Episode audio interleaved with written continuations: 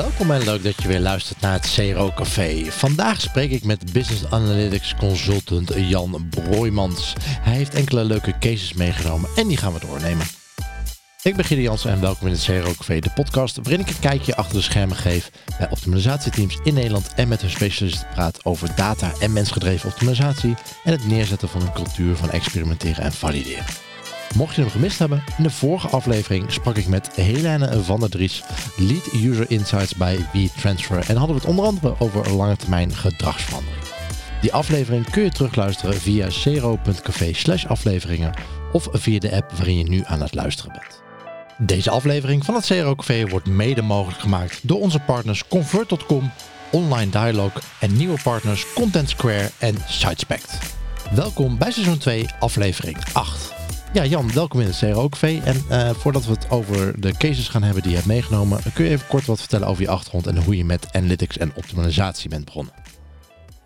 Ik uh, ben uh, inderdaad business analytics consultant. Ehm, ik ben ooit begonnen in, in marktonderzoek. dus het was wat kwalitatiever van aard dan ja. waar ik nu mee bezig ben.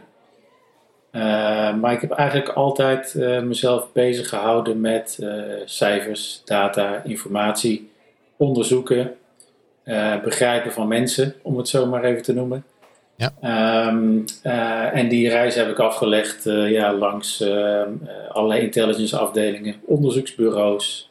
Um, en onlangs inderdaad, of nu alweer een tijdje, voor mezelf begonnen als freelance consultant. En ja, dat, je nu vier, vier jaar.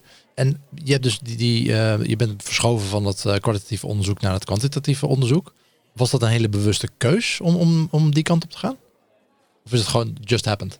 Ja, it, it just happened. Um, wel ook een bewuste keuze, omdat uh, ik heb meegemaakt dat kwalitatief onderzoek, ja, het is moeilijk op te schalen. Om even in business termen te praten, ja. is dat super interessant. Je kunt super, super de diepte ingaan.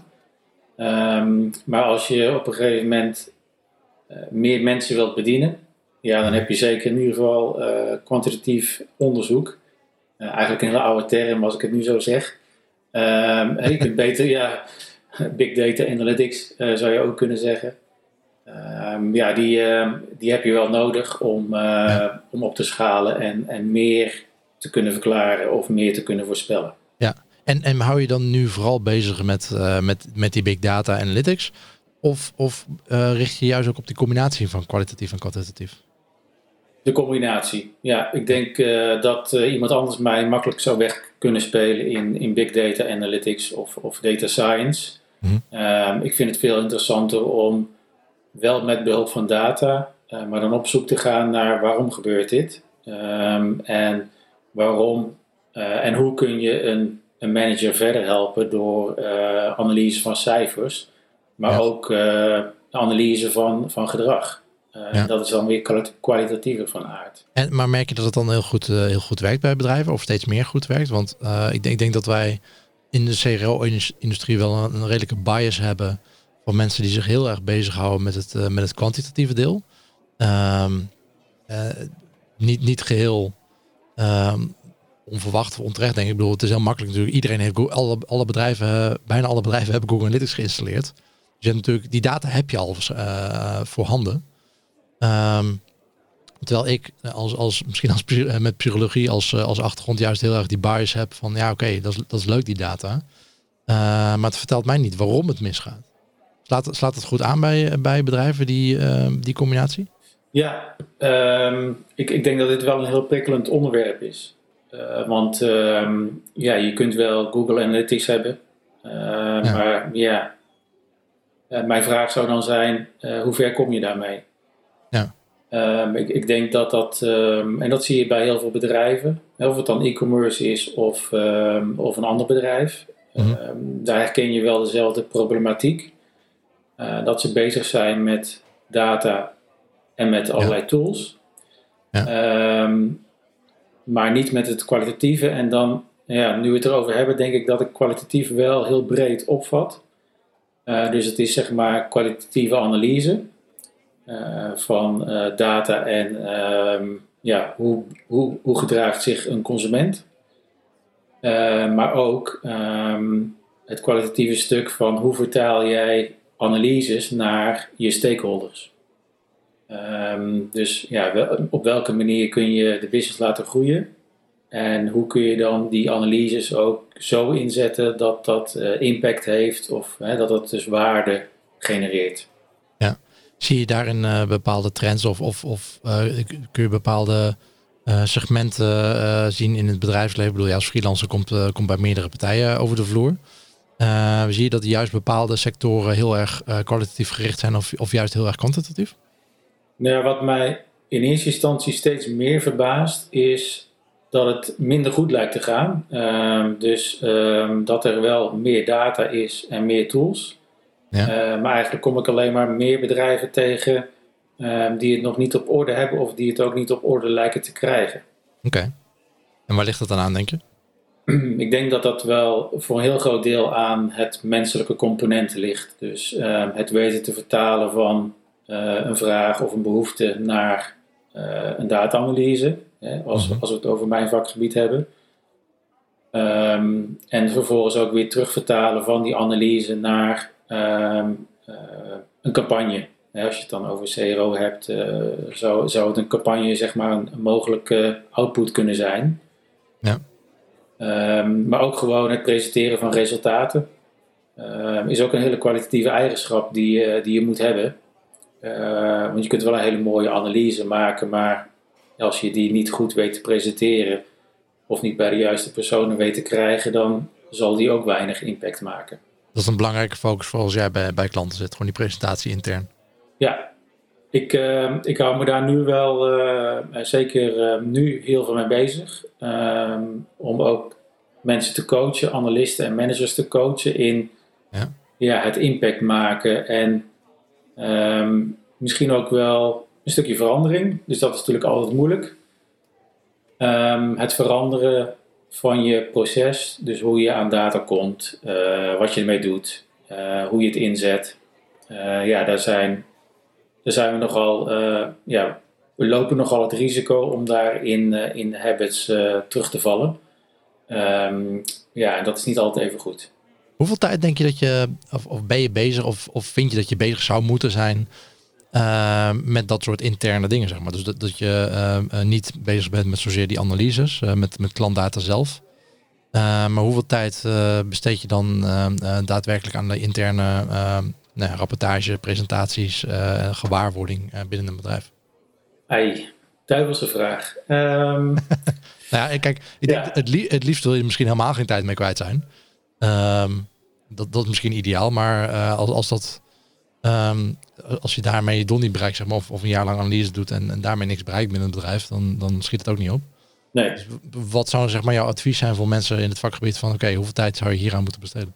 Ja, ik denk, ik denk sowieso dat het wel, uh, we gaan straks een percentage noemen, maar dat is denk ik wel een heel belangrijk percentage. Ja. Um, want als je dat niet doet en alleen maar die analyse doet, um, stel dat we, dat we 2080 zeggen, dan eh, kun je niet zeggen, weet je wat, ik ga die 80% doen, uh, dan zal ik er ook wel komen. Ja. Um, ik denk dus dat vooraf uh, dat je een, een belangrijk uh, deel ervan daaraan moet besteden, dus 10 of 20 procent. en achteraf ook weer 10 of 20 procent daaraan moet besteden. Mm -hmm. um, en analyse kan natuurlijk gewoon heel veel tijd in beslag nemen. Met name ook uh, met data aan de slag gaan, analyseren, prepareren of opschonen, uh, wat er ook nodig is. Mm um, maar ja, het stukje afstemming, uh, overleg, um, dat, is denk ik, dat zijn denk ik de punten waar je, waar je echt meters kan maken, waar je echt impact kan maken. Oké, en nou, je bent nu ruim vier jaar uh, freelance bezig. een deel van je tijd besteed je dus aan, aan, aan, die interne gewaarwording en interne rapportages. wat doe je de rest van de tijd? Waar ben je mee bezig? Ja, ehm, even nadenken. want ik ben wel heel veel met werk bezig. want ik vind het nog steeds, ik vind het nog steeds, ja, ik vind het nog steeds leuk. ik zei gisteren nog tegen mijn dochter: ja, je papa is inderdaad een nerd. Uh, toen moest ik even uitleggen wat een nerd is. Uh, ja. Dus uh, toen, kwamen we samen tot de conclusie dat ik inderdaad wel een nerd ben. Dus ik vind het leuk om, om met data aan de slag te gaan, met cijfers en achter een computer te zitten zo nu en dan. Ja. Maar verder houd ik me vooral bezig met, ehm, ja, ik probeer eigenlijk ook heel veel informatie te delen. Ehm, dus ik ben altijd wel zo nu en dan bezig geweest met het schrijven van blogs. Ik heb gemerkt dat ik, dat best wel moeilijk is om, om continu te doen. Ja, dus ik probeer nu ook een, eh, een podcast de wereld in te, in te slingeren. Ja. Ehm, omdat ik denk ik bij heel veel klanten uh, hele interessante ervaringen opdoe. Um, en die wil ik graag ook met anderen delen. Um, misschien ook weer om vragen terug te krijgen waar ik zelf ook weer van leer. En het is ook uiteindelijk mijn doel om ja, met een aantal klanten in gesprek te gaan. en een aantal van die projecten wat uit te lichten. Omdat ik denk dat het makkelijker is dat dat een klant doet dan, dan ik dat zelf doe. Ja, oké. Okay. Nou ja, en als we het toch over uitlichten van projecten hebben. ja. je, hebt, je hebt vier cases meegenomen waar we het over kunnen gaan hebben. ja, vertel, waar wil je beginnen? Ehm, het, was, het was wel moeilijk kiezen. Ehm, laten we met de case beginnen waar ik nu ook nog mee bezig ben. Dat is bij, bij Kraft Heinz. Eh, van de ketchup, maar ook van de Brinta en van de Ruiter hagelslag. En van macaroni en cheese, maar dat kennen we niet zo goed in Nederland. Nee. Um, wat hier heel interessant is, is dat ik um, me daar bezig hou als coach en als trainer. Um, dus de vraag die daar ligt is dat er, nou ja, je kunt je voorstellen, er zijn heel veel mensen in dienst. ook heel veel analisten en managers. Uh, en daar willen ze bewegen naar een data-analyse, een soort nieuwe cultuur, data-driven culture, die, um, ja, die, van die anno nu is. Um, en daar moeten mensen dus ook, ja, ik, ik, ga mensen begeleiden in bepaalde tools, maar ook in um, ja, het doen van analyses op een andere manier dan in de vele Excel workbooks die ze daar ook hebben staan. Werk je aan een front-end AB-test en heb je ook last van de bekende flikkeringen in je variaties? Dit kan natuurlijk je testresultaten beïnvloeden en een positief testresultaat neutraliseren. Probeer Convert.com's AB-testing software die Smart Insert technologie gebruikt en die flikkeringen voorkomt. Vijf keer snellere support via 24/7 chat, de helft goedkoper en het bedrijf is daarnaast maar liefst 15 keer carbon positive. Je doet dus jezelf, je bedrijf en de volgende generatie een plezier door hun website convert.com sneller eens te bezoeken. Oké, en wat is er dan anders? Uh, we zijn onder andere bezig om daar een stukje, uh, ja, ik weet het niet anders dan agile development uh, te noemen. Dus we zijn bezig om, en er ligt niet zozeer de nadruk op tools. Hè, dus er worden tools gebruikt, zoals Jira, zoals een business intelligence tool. Dat ligt in de basis, maar een belangrijk deel ervan, en dat zie ik ook terug aan, aan waar, ehm, waar de mensen mee worstelen, is die omslag van het doen waar je, wat je gewend was naar een meer efficiënte, efficiënter proces, maar wel een nieuw proces waar je ook misschien wat dingen moet loslaten. Um, een, leuk voorbeeld is bijvoorbeeld dat ik um, nou, het aloude voorbeeld van mensen die uh, misschien wel één of twee uur per week data downloaden, dat verwerken in Excel, daar uiteindelijk weer een rapportje van maken met allerlei VLOOKUPs. Um, en die zijn daar best wel veel tijd aan kwijt. Um, en er zijn hartstikke mooie oplossingen en ik probeer ze te helpen om, om dat op een andere manier te doen, waardoor ze ja. tijd overhouden voor uh, ja, interessanter werk, uh, waar ze waarschijnlijk ook voor aangenomen zijn. Ja, ik heb het laatst in, in meerdere video's en volgens mij was het ook een CXL-cursus.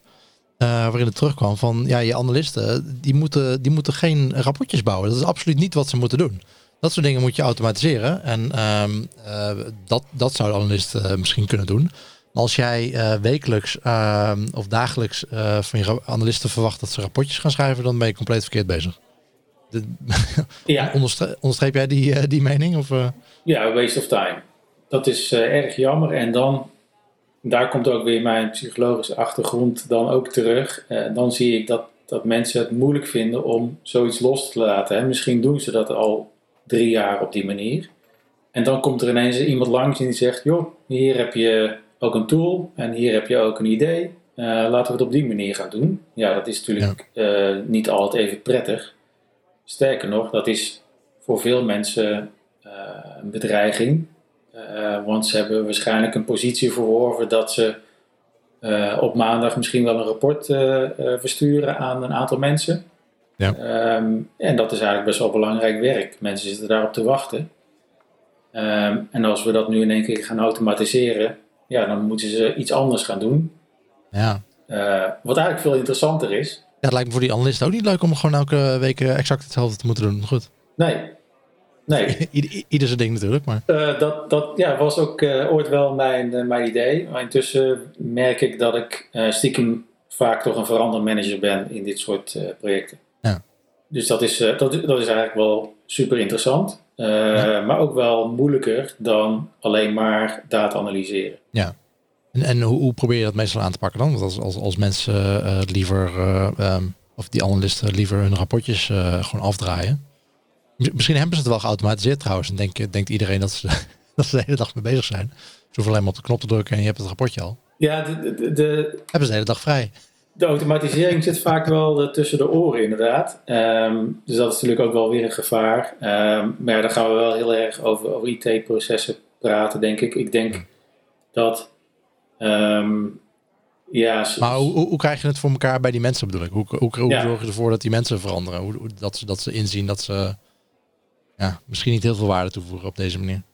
Een, manier die zeker helpt is om, uh, om het klein te maken en dan te gaan kijken naar, oké, wat, wat is de uitkomst hiervan? Uh, op welke manier kun jij helpen om, uh, om, een team te laten groeien of het bedrijf meer winst te laten maken?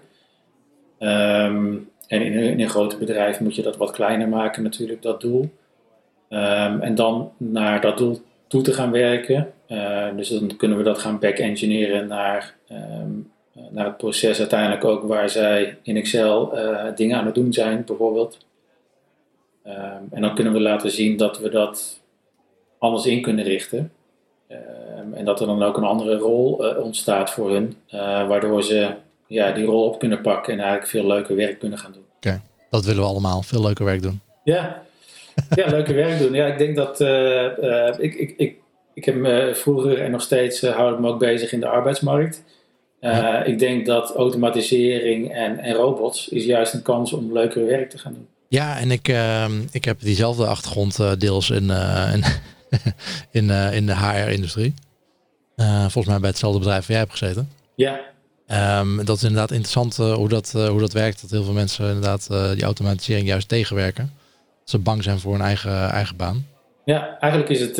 ik ik, ik had het daar laatst nog met iemand over. Dat, dat is volgens mij toch het Zweedse model. waar je drie dagen mag werken in de week. Of nou, ergens een Scandinavisch model volgens mij. Dat weet jij misschien wel mm -hmm. weer goed. Ik werk voor een Zweeds bedrijf, maar ik werk gewoon vijf dagen in de week. Oh ja. ja, dat komt omdat je dan weer een Nederlander bent. Ja, precies. Nee, maar mijn Zweedse collega's werken ook vijf dagen in de week hoor. Oh, okay. nee, er, zijn, er zijn genoeg, volgens mij, bedrijven en volgens mij zelfs landen die daarmee experimenteren inderdaad. Volgens mij was het laatst een onderzoekje van, van Microsoft die, weet of ze het overal hadden geprobeerd, maar ergens in een land hadden geprobeerd inderdaad om een vierdaagse werkweek te, te introduceren. En dat de productiviteit, ik weet niet hoe ze het gemeten hadden, ik heb het onderzoek niet gelezen, maar dat de productiviteit met vele procenten omhoog ging daardoor. Ja. Door de werkweek in te korten. ja. ja. Nee, dat, dat is, kijk, dat is, ik denk dat dat al, daar zijn al wel meerdere onderzoeken naar geweest. Met min of meer dezelfde uitkomsten. Um, en ik vind, dat, ik vind dat heel interessant. Dus ik, ik, ik moet ook aan twee dingen denken. Um, als freelancer word ik ook vaak gevraagd voor, voor interim functies. en dan is een van de voorwaarden is altijd fulltime, vijf dagen per ja. week. Ja. Um, dan, dan, dan sla ik altijd wel een beetje aan, want dan is mijn tweede vraag altijd van ja, wat verwacht je dan dat ik uh, kom doen? Uh, want hè, als je aan de slag gaat, op een gegeven moment ga je dingen implementeren en uh, dingen laten zien die ook ehm, die in de organisatie moeten ontstaan. Dus er zijn, ook, er zijn ook altijd dagen dat je beter even kan, dat, dat je een aantal processen kan laten gebeuren. dus ik denk dat het ook beter is om, om niet ergens fulltime rond te lopen en dat dat als ik er drie of vier dagen ben bijvoorbeeld, of onregelmatig, dat dat veel meer impact kan hebben ja. dan als een soort verkapte medewerker daar rond gaan lopen. Ja, kun je wel lekker je uren schrijven, Jan. Ja, ja, precies. Ik, uh, ik, uh, ik, ik schop er graag een beetje tegenaan. Want ik, uh, ja, dat, dat is zeker niet de reden waarom ik dit gaan, ben gaan doen. ik denk dat die diversiteit is voor mij veel leuker. Dus ik doe liever, ik bedien liever drie klanten per week dan één, één klant. Ja. Oké, we, hebben het even gehad over uh, Kraft Heinz. Uh, Scotch en Soda, heb je ook uh, wat gedaan? Ja, uh, was een heel leuk project. is alweer een aantal jaar geleden. wat, ze daar, wat daar gebeurde was een nieuw ERP-systeem, een introductie van een nieuw ERP-systeem. En daar was IT druk mee bezig om dat mhm. voor elkaar te krijgen. Ehm, en heel veel afdelingen waren afhankelijk van die informatie uh, die, die tot dan toe niet op orde was. Uh, dus er waren eigenlijk heel veel verschillende waarheden in de organisatie. Uh, dus het ging van logistiek tot finance, tot marketing en online ook. Um, en ik heb daar meegemaakt dat ik op zoek ging naar de definities voor de KPI's. En dat ik bij uh, finance uh, een andere definitie voor bij wijze van spreken omzet uh, hoorde dan bij online. dus het geeft wel aan ook weer hoe belangrijk het is om dingen af te stemmen. en met je oor te luisteren te gaan van oké, wat gebeurt er, wat verwacht iedereen. Ja. en, dan, en dan pas het samen met IT en developers aan de slag te gaan om dat voor elkaar te krijgen. Ehm, als je het eenmaal hebt afgestemd, dan, ja, dan kun je dat proces eigenlijk uh, verder uh, goed, uh, goed intekenen. Dus dat is een.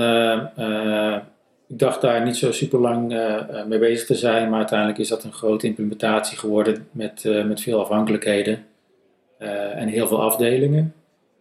Ehm, en een heel leuk project met een, met een develop development team Ehm, waar ik op een gegeven moment ook een uh, ja, leidende positie in mocht, uh, mocht nemen. Uh, waarbij we ook een aantal nieuwe, ja, nieuwe tools hebben ingezet om, om data te prepareren en, en binnen te halen vanuit verschillende systemen. En wat werd er dan uiteindelijk met die data gedaan? Ik bedoel, je doet een BI-implementatie. Um, ehm, um, als de CRO-specialisten die hier naar luisteren, zeg maar. Hoe, hoe heb, je, heb je het werk voor hun makkelijker gemaakt daarmee? Ja, dus dat uh, in de basis uh, rapportages, uh, dus dat staat, staat voorop.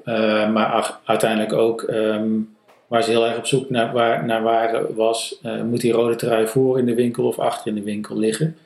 Ja. Wat moeten we, wat als we nu kijken naar sale, wat moeten we wel in, niet, en niet in de sale doen? en merchandising was vooral op zoek naar um, de combinatie van waar ze de kleren uh, lieten maken. Ehm, ja. En, en ja, wat voor soort eh, trend daarbij hoorde, zeg maar. Dus die wilden vooral weten voor de komende seizoenen, waar moeten we op inzetten. Oké, en wat voor, wat voor doelen hangen daar aan? Bijvoorbeeld van, oké, wat, wat moeten we in de sale doen? Um, kijk je dan puur naar het product? Welke producten doen het goed als we ze in de sale doen? Of kijk je dan naar, uh, I don't know, uh, basket value? Wat, wat, als we bepaalde producten in de sale doen, um, dan zorgen die voor dat, uh, dat, dat uh, mensen veel meer kopen in onze winkel. Uh, los van of dat een saleproduct is of niet. of kijk je naar, nou, als we dit in de sale doen, dan verwachten dat mensen vaker terugkomen in de store. Hoe, hoe ging dat toen? Ehm, dat, dat, dat stond toen nog heel erg aan het begin. dus was vooral een behoefte om te kijken naar, oké, welke kleren en andere items kunnen we ehm, ja, kunnen we in de sale doen of welke verkopen goed en, en zouden niet in de sale moeten, et cetera. Ja. Van puur naar op, op het productniveau, zeg maar. Van wat helpt als we het, als we het in de sale doen. Ja. dan hebben we nog uh, eh, LG Sonic. Ja, um, veel mensen denken bij het, het werk dat, dat ik doe, uh, dat ik dan altijd met uh, rapportages bezig ben of met uh, grafieken of nou, dat, dat soort mooie dingen. Ja. die komen er vaak wel bij kijken. maar er zijn ook hele andere projecten die wel een basis in data hebben, maar eigenlijk een heel ander doel. en LG Sonic is een mooi voorbeeld. een, een groen bedrijf in, in Nederland, uit Nederland. En waar zij tegenaan liepen was dat het te goed ging. Dus ze zagen uiteindelijk dat er heel veel aanvragen bij de, sales, bij de sales leads binnenkwamen. Um, en ze, die sales leads die liepen eigenlijk over van het werk. dus die wisten niet zo goed meer waar ze moesten beginnen.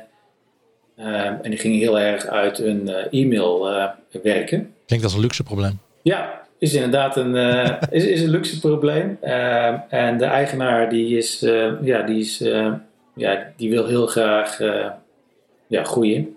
Ehm, die had een hele scherpe blik van oké, okay, hier moet iets veranderen. Om uiteindelijk niet misschien 10% of 20% te groeien, maar veel meer. Dus we zijn samen aan de slag gegaan om op basis van data te gaan analyseren welke leads moeten prioriteit krijgen. En vervolgens ook um, dat zo aanbieden aan de sales en account managers, dat, zij, dat, zij die, dat die prioriteiten eigenlijk kant-en-klaar bij hun aangeleverd worden. Dus met basis, ja, op basis van data ehm, zijn we dat hele salesproces anders in gaan richten. dus dat is heel interessant. Daar kwam geen, geen rapport aan aan te pas. Uh, maar was gewoon het anders inrichten van, uh, van het werkproces. SiteSpect biedt wereldwijd een unieke AB-testing, personalisatie en product recommendation oplossing. SiteSpect werkt server-side, dus zonder tags of scripts, waardoor een optimale performance gegarandeerd is. De SiteSpect oplossing elimineert vertragingen en kans op flicker-effecten. Tevens zorgt deze aanpak ervoor dat de huidige en toekomstige browser security regels zoals ITP en ETP geen impact hebben op het AB-testen en personaliseren met SiteSpect. Voor meer informatie hierover ga je naar sitespect.com. Ja, en in, dat soort processen, ik vind het altijd wel interessant dat, dat heel veel van die backend processen die je ook prima kan optimaliseren. Maar uh, over het algemeen zie je daar geen CRO-specialisten. Uh, tenminste, ik zie ze meestal niet. Jij wel? Nee, nee terwijl ik denk, ik denk dat, ja, ik... Uh... Zitten ze er wel en noemen we het anders of, of wordt het gewoon niet gedaan? Ja, precies. Ik denk dat dat, dat is natuurlijk een uh, optimalisatie, vindt daar plaats. Ehm, en ik denk dat, dat die misschien iets eerder plaatsvindt in, de, in, het, in het proces of voor de funnel. Maar ik denk dat dat uiteindelijk wel een hele ja, een wezenlijke slag is. Zeker ook voor, voor, en daar komt hij weer, hè, voor, voor het werkplezier en, en hoe mensen het doen. Ja, ik zie het ook heel vaak uh, waar, waar de link met online wat directer is bijvoorbeeld. Als bijvoorbeeld klantenservice heel veel vragen krijgt over, over iets. En dat je, I know, als 20% van de vragen over iets gaat, dat je makkelijk online kan, al kan afvangen. dat zij veel meer tijd overhouden om wat anders te doen.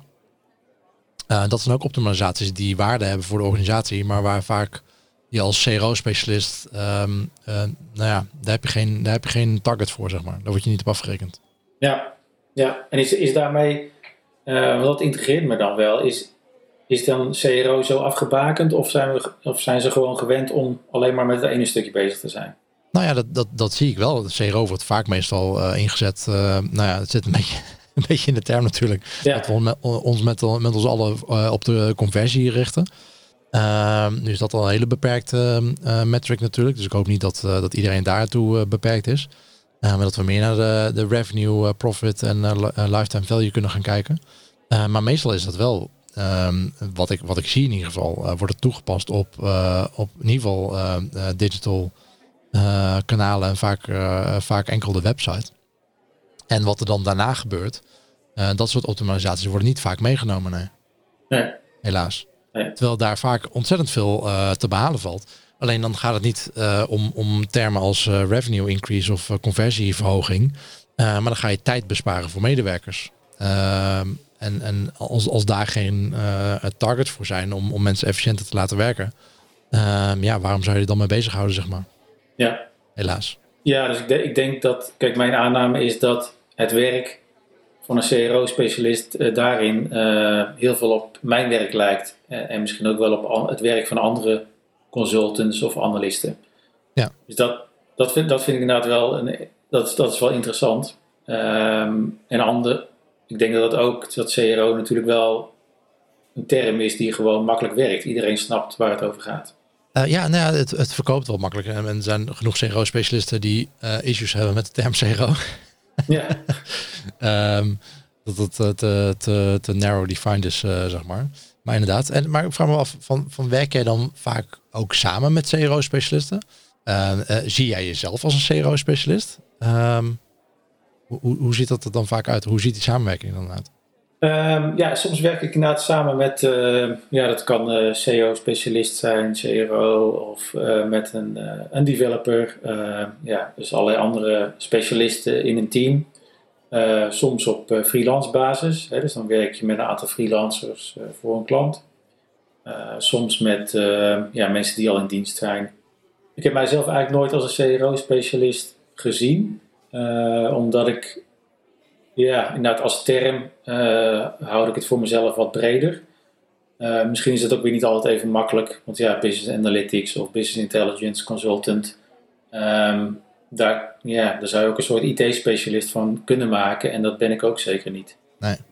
Maar zou, zouden, we, zouden CRO-specialisten zich, zich moeten rebranden? Ik,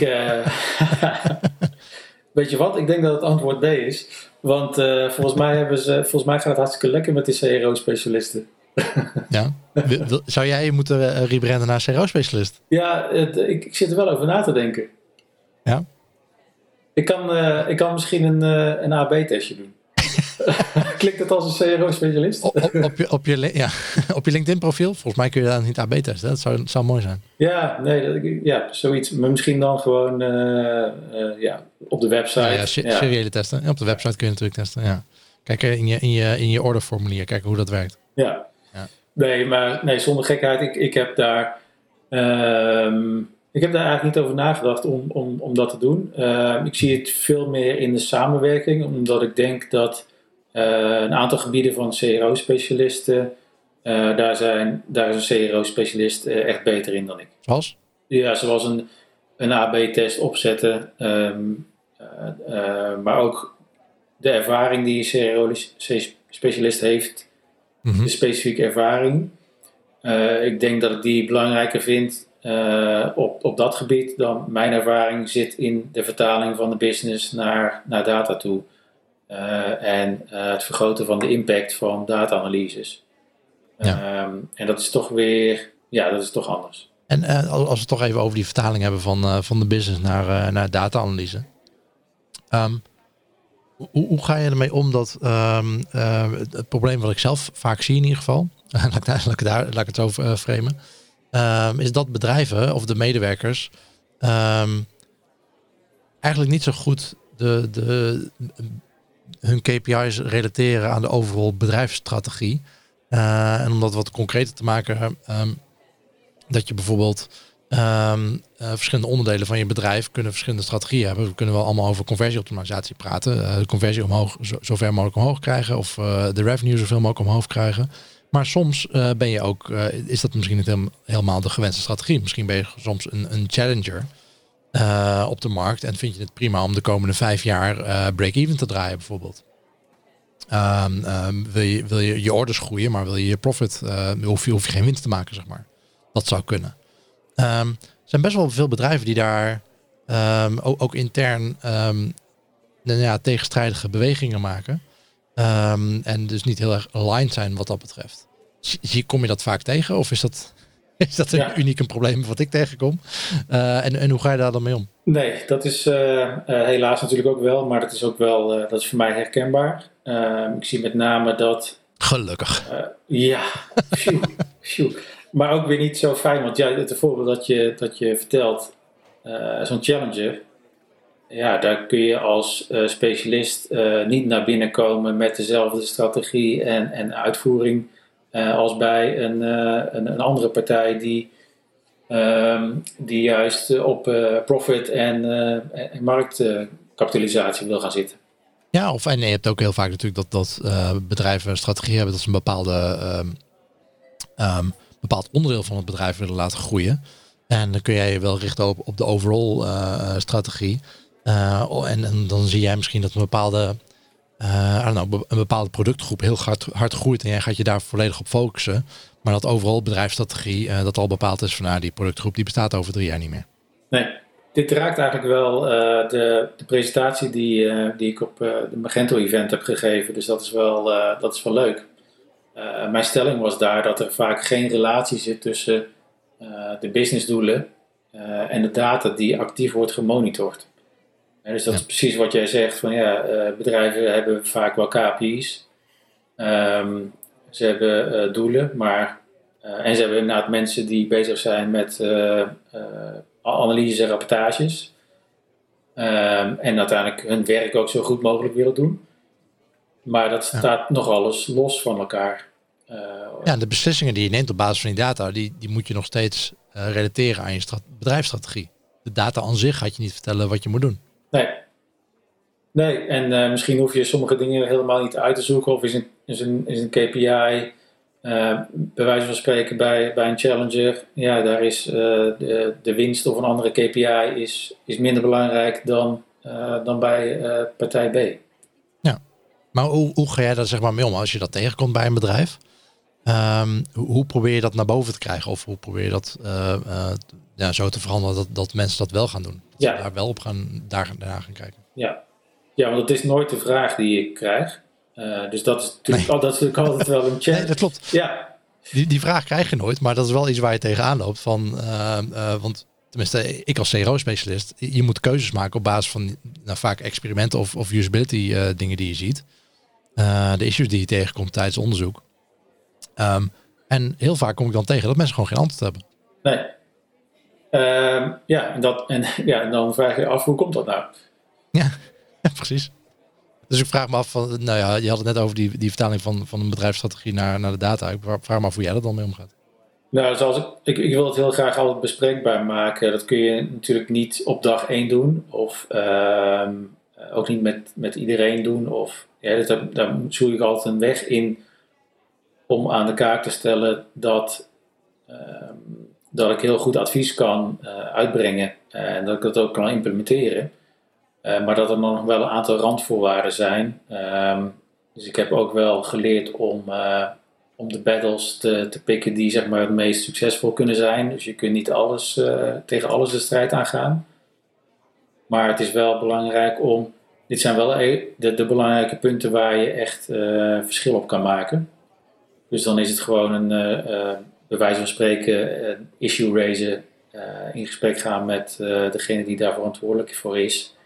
En even pas op de plaats maken van, we kunnen nu wel analyses gaan doen, maar laten we even teruggaan naar wat zijn nu precies de doelen.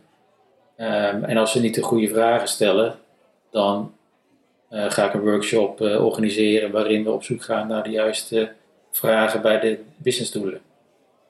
Ja, ik, ik ben, jij, jij zegt je, je begint er niet mee. Ik, ik ben als, als test zeg maar aan het proberen om er wel mee te beginnen. Uh, ik heb een vragenlijst gemaakt. Nou, volgens mij er, er zitten nu iets van ruim 100 vragen in. Dus dat is behoorlijk wat. -hmm. waarmee ik een project inga. Um, en wat, wat ook een soort, soort van forceert dat ik op het juiste niveau met de mensen praat, zeg maar. Want je moet met de mensen praten die hier antwoord op hebben. Ja. Um, op dit soort vragen. dus op die manier probeer ik daar wel zo snel mogelijk achter te komen. Interessant. Ja, wat, mij, wat, ik, wat ik me dan afvraag is: um, kennen ze je dan goed genoeg om meteen het achterste van hun tong te laten zien? Ja, dat, ik denk dat het heel erg van het bedrijf gaat afhangen. Um, Maar dat is inderdaad, dat is wel een ding inderdaad. Uh, uh, alleen ja, hoe ik het insteek, zeg maar, van uh, ik zeg van nou, ik heb deze vragen. Um, en dat zijn algemene vragen waarvan ik denk dat ze allemaal het antwoord zouden moeten weten in ieder geval. Um, en, en, die vragen, uh, die, die, die ga, daar ga ik met ze doorheen lopen. Ja. En ja, als ze dat niet weten of als ze dat niet willen, ja, dan kan ik ook mijn werk niet zo goed doen, zeg maar. Als zij niet weten wat, wat de gemiddelde waarde van een consument is, dan is het heel lastig om daar hmm. experimenten voor op te uh, designen die, daar, uh, die dat optimaliseren, bijvoorbeeld. Ja, ja. Eigenlijk ben je een beetje jezelf aan het automatiseren. daarmee. ja, een beetje, een beetje wel, ja. ja ik, moet, ik, moet de vraag nog, ik moet de vragenlijst, het is nu nog een, een spreadsheet. Maar misschien moet ik er gewoon een Google Form van maken inderdaad. Van hier succes, of een typeform. Ja. met, met, met wat skip logic erin en dan hier succes. vul maar in. Ja, vul. Daarna, ja, daarna kijken we wel of, of we klant kunnen worden. Het is, klant kunnen worden. Maar het is, wel, het is zeker een goed idee. Um, ik, ik, het voorbeeld dat je noemt inderdaad, van ja, als je de, de omzet of een bepaalde KPI niet eens uh, kan benoemen. Um, ik ga er tegenwoordig al bijna ja, vanuit dat er dingen niet aanwezig zijn of dat ze niet uh, goed gemeten worden. Dus dat, ja, dat is natuurlijk iets wat je uh, uit ervaring meeneemt. Ja. Um, van de andere kant, ik ben zelf ook bezig geweest met abonnementen. Uh, kijken wat, wat daarin in een hele specifieke markt abonnementen neerzetten en, en verkopen. Uh, en, Als in, je, je bedoelt voor jezelf of dat je voor klanten gaat werken die abonnementen verkopen? Nee, voor mezelf inderdaad. Dus uh, een soort standaard, ja, laten we het een BI of Business Analytics pakket noemen. Ja. rapportje, analyse mogelijkheden, mm inclusief koppeling naar een aantal databronnen. Ja. Dan kun je wel, dan is het zeker interessant om zo'n formulier te gebruiken, omdat iedereen altijd wel iets in een systeem aan maatwerk heeft. dus dan kun je vragen, oké, wat zijn je, K, je KPI's? welke systemen wil je koppelen? En wat, ja. wat heb je voor maatwerk in die systemen zitten? En daar ga je abonnementjes voor verkopen? Ja, uh, ja ik, uh, dat staat voor mij nu wel op, op een laag pitje, omdat ik inderdaad met consultancy eigenlijk al mijn, al mijn dagen vul. Mm -hmm. um, en ik ook wel toch wel deels van teruggekomen ben dat standaardisatie in, in die pakketten werkt. er is eigenlijk zo'n, er is, er is toch altijd wel een bepaalde mate van maatwerk. Dat ik ja. beter kan zeggen, oké, wat is je vraag? Dan zou dit mijn oplossing zijn. En ik me merk dat dat ook beter bij een klant valt dan het verkopen van een standaard pakket. Wat toch ook wel snel het pushen van een pakket kan zijn, in plaats van een antwoord op de vraag geven. Online Dialogue is al tien jaar een toonaangevend CRO-bureau waar mensen, kwaliteit en kennisoverdracht centraal staan. Ze zijn een specialist omdat ze zich alleen richten op optimalisatie en klantgedrag. Het team zorgt voor online groei en waardevolle inzichten in je bezoekers en optimaliseren samen met jou de verschillende onderdelen van je CRO-programma, zoals websites, sales funnels en customer journeys. Voor meer info ga je naar onlinedialog.nl. Hey, en uh, je laatste case, uh, je vierde, de recruitment funnel optimalisatie. Ja, uh, ja, dus, uh, waar ik me nu vooral op richt is, uh, is één systeem. maar er zijn nog een aantal systemen. Dus het CareerX platform, die heeft een API. Um, er is daar niet zo heel veel documentatie over. Um, Wat doet CareerX? Ja, CareerX is een ATS-platform, dus Applicant Tracking. Wat is een ATS-platform? Niet iedereen zit in de recruitment, uh, Jan. Nee, nee, nee. Applicant, uh, applicant uh, Tracking System. Ja. Dus dan kun je volg, eigenlijk het vraag en aanbod volgen. Dus je hebt een vacature, je hebt mensen die je zoekt, die komen ook in het systeem terecht. en daarmee kun je die heftruckchauffeur of die winkelmedewerker bij, bij de HEMA kun je koppelen aan een aantal kandidaten.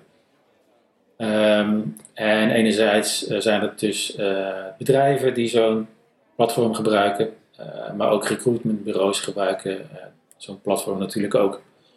daarbij wordt het ook meestal, denk ik, ook als CRM-systeem gebruikt, dan wel misbruikt. Um, die data is, is niet toegankelijk, um, dus dit is ja, een van de thema's die ik ook leuk vind is om uh, ja, data open te breken voor, uh, voor bedrijven. Uh, dus data die niet toegankelijk is. Um, dus die kun je wel benaderen in de, in de front-end. Dus wat zij hebben is een, een, een schil. Ze kunnen ja, een, een kandidaat opzoeken. Zij zien allerlei informatie van die kandidaat. Ze kunnen een vacature opzoeken. en kunnen zien welke kandidaten ze hebben voorgesteld op die vacatures. Maar ze kunnen niet uh, over een langere tijd of op één grote hoop analyses doen over ja, wat hebben we nu gedaan, wat is succesvol, in welke branche zijn we meer succesvol dan in een andere branche. Ja. Ehm, en dan. En wat heb jij daar dan gedaan? Uh, ten eerste uh, dus die data uh, opengebroken. Dus daar heb ik nu wel een, een standaard proces draaien waarin een partij kan zeggen: ja, ik wil die data gaan gebruiken om slimmere recruitment toe te passen. Ja. dan kunnen we heel snel die data uit de API gaan, gaan uitlezen. daar is zeker ook wel een stukje maatwerk bij iedere partij van toepassing. Um, en dan, dan begint het eigenlijk pas, uh, want dan kunnen we analyses gaan doen, uh, waarbij met name bijvoorbeeld uh, doorlooptijd, dus wanneer je begint de vacature um, en uiteindelijk wanneer heb je iemand geplaatst of iemand aangenomen. Ja. er zijn allerlei fases tussen, allerlei stappen. Um, en daar kun je met name in gaan optimaliseren. dus dat is de funnel. Ja. Hey, en uh, je bent wel lekker breed inzetbaar in ieder geval. Er zijn hele verschillende uh, industrieën waar je, waar je je ding kan doen. Ja, um, zeker met deze voorbeelden uh, blijkt dat zeker wel.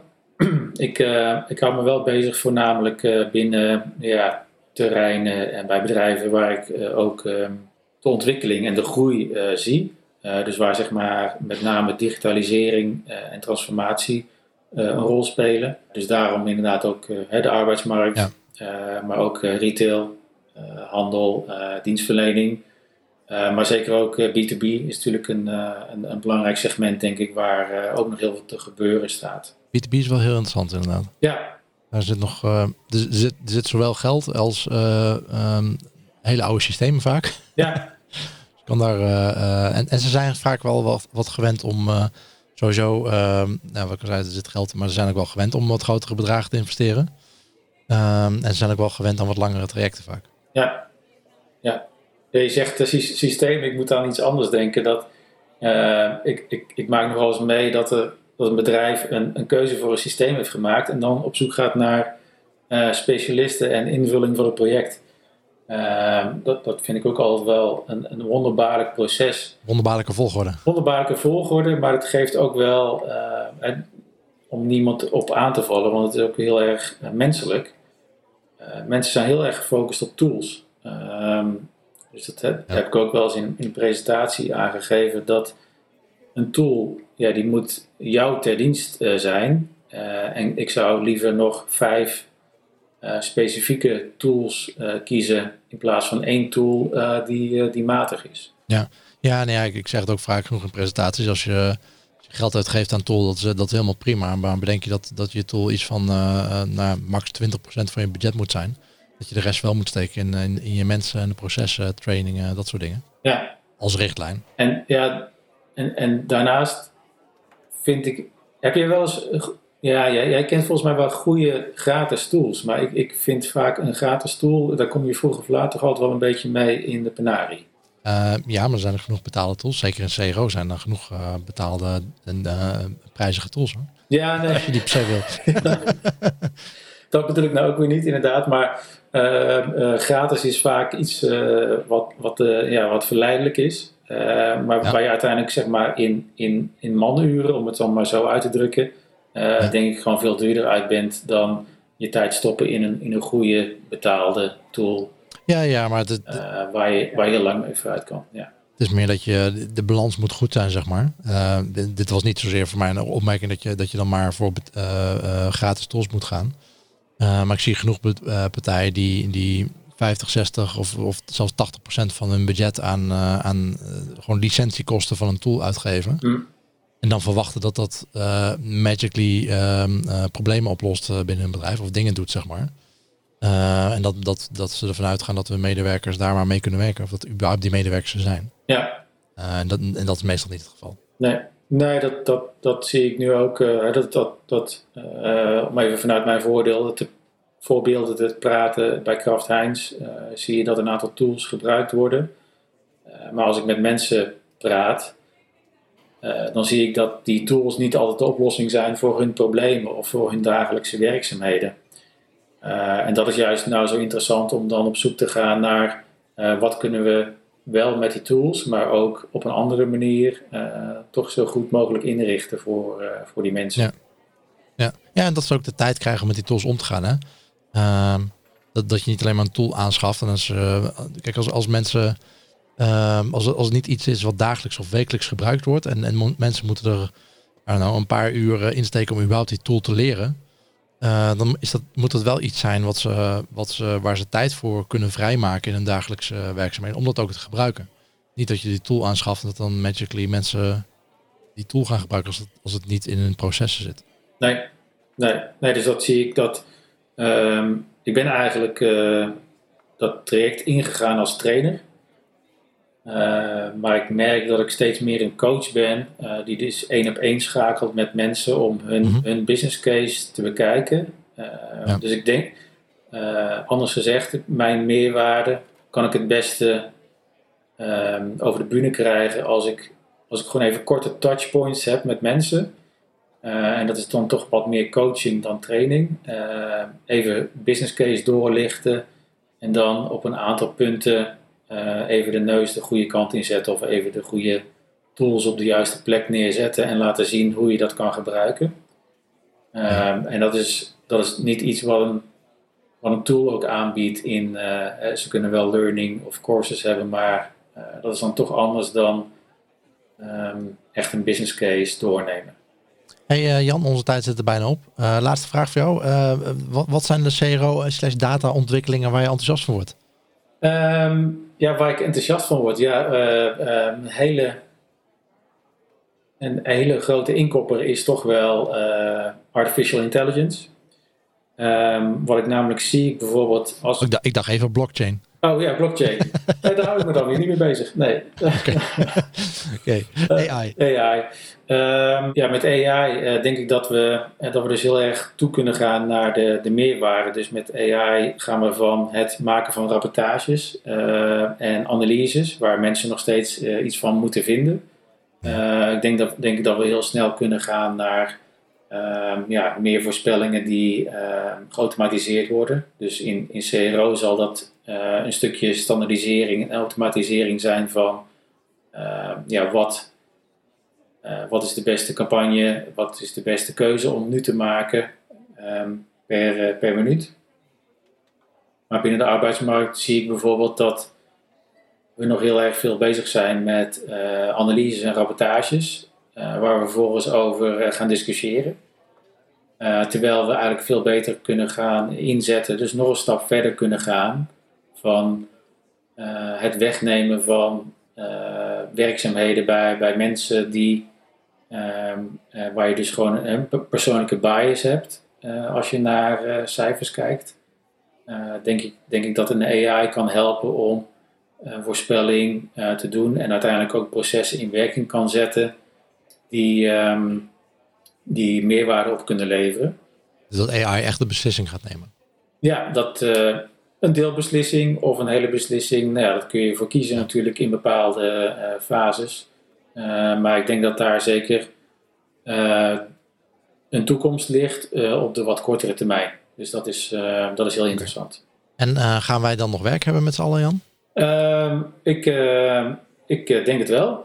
We gaan nog werk hebben, maar daar komt inderdaad die drie dagen werkweek natuurlijk weer terug. Ah, ja. ja. dus ik, ja, ik vind het ook leuk om te sporten en een beetje andere dingen te doen. Nee, dus uh, ik denk dat. Uh, uh, ik, ik vind het heel erg leuk om ook over de toekomst van, van werk eh, te, te lezen en te zien waar het naartoe gaat. En ik geloof er zelf wel in dat, ehm, dat we vroeg of laat die keuze moeten gaan maken. Ehm, en dat, die, eh, dat we gewoon moeten zeggen: ja, eh, we werken uh, meer kwalitatief en uh, minder uren. Allemaal een basisinkomen? Ja, dat weet ik eigenlijk niet. hey Jan, uh, dankjewel. Graag gedaan. Leuk dat je even in de, in de podcast wilde verschijnen en jouw verhaal wilde delen. En um, wij spreken elkaar ongetwijfeld binnenkort nog een keer. Ja, leuk om, om met je te praten hierover en inspirerende. Ja. En heel veel succes met je eigen podcast. Dankjewel. We zullen er even naar linken in de, in de show notes. Super, dankjewel. dankjewel. Oké, hi. Dit was seizoen 2, aflevering 8 van het CROKV met Jan Broijmans. Het kan je niet zijn ontgaan dat we ook podcastpartners hebben. Wil jij jouw product of diensten nou promoten bij de leukste CRO-specialisten van Nederland? Neem dan een kijkje op cro.cv slash partner voor de mogelijkheden. Volgende week weer een Engelstalige aflevering, want ik spreek met Marta Florentina eh, Saratovic, Web Analytics Manager bij Resolution Media. En we gaan het onder andere hebben over Intelligent Tracking Protection. Mocht je daar nou niet op kunnen wachten, dan hebben we ook nog enkele bonusafleveringen die je kan verwachten. Die afleveringen zijn opgenomen tijdens het Marketing Insights event van de MOA en de EMERS Google Analytics User Conference. Tot dan en always be optimizing.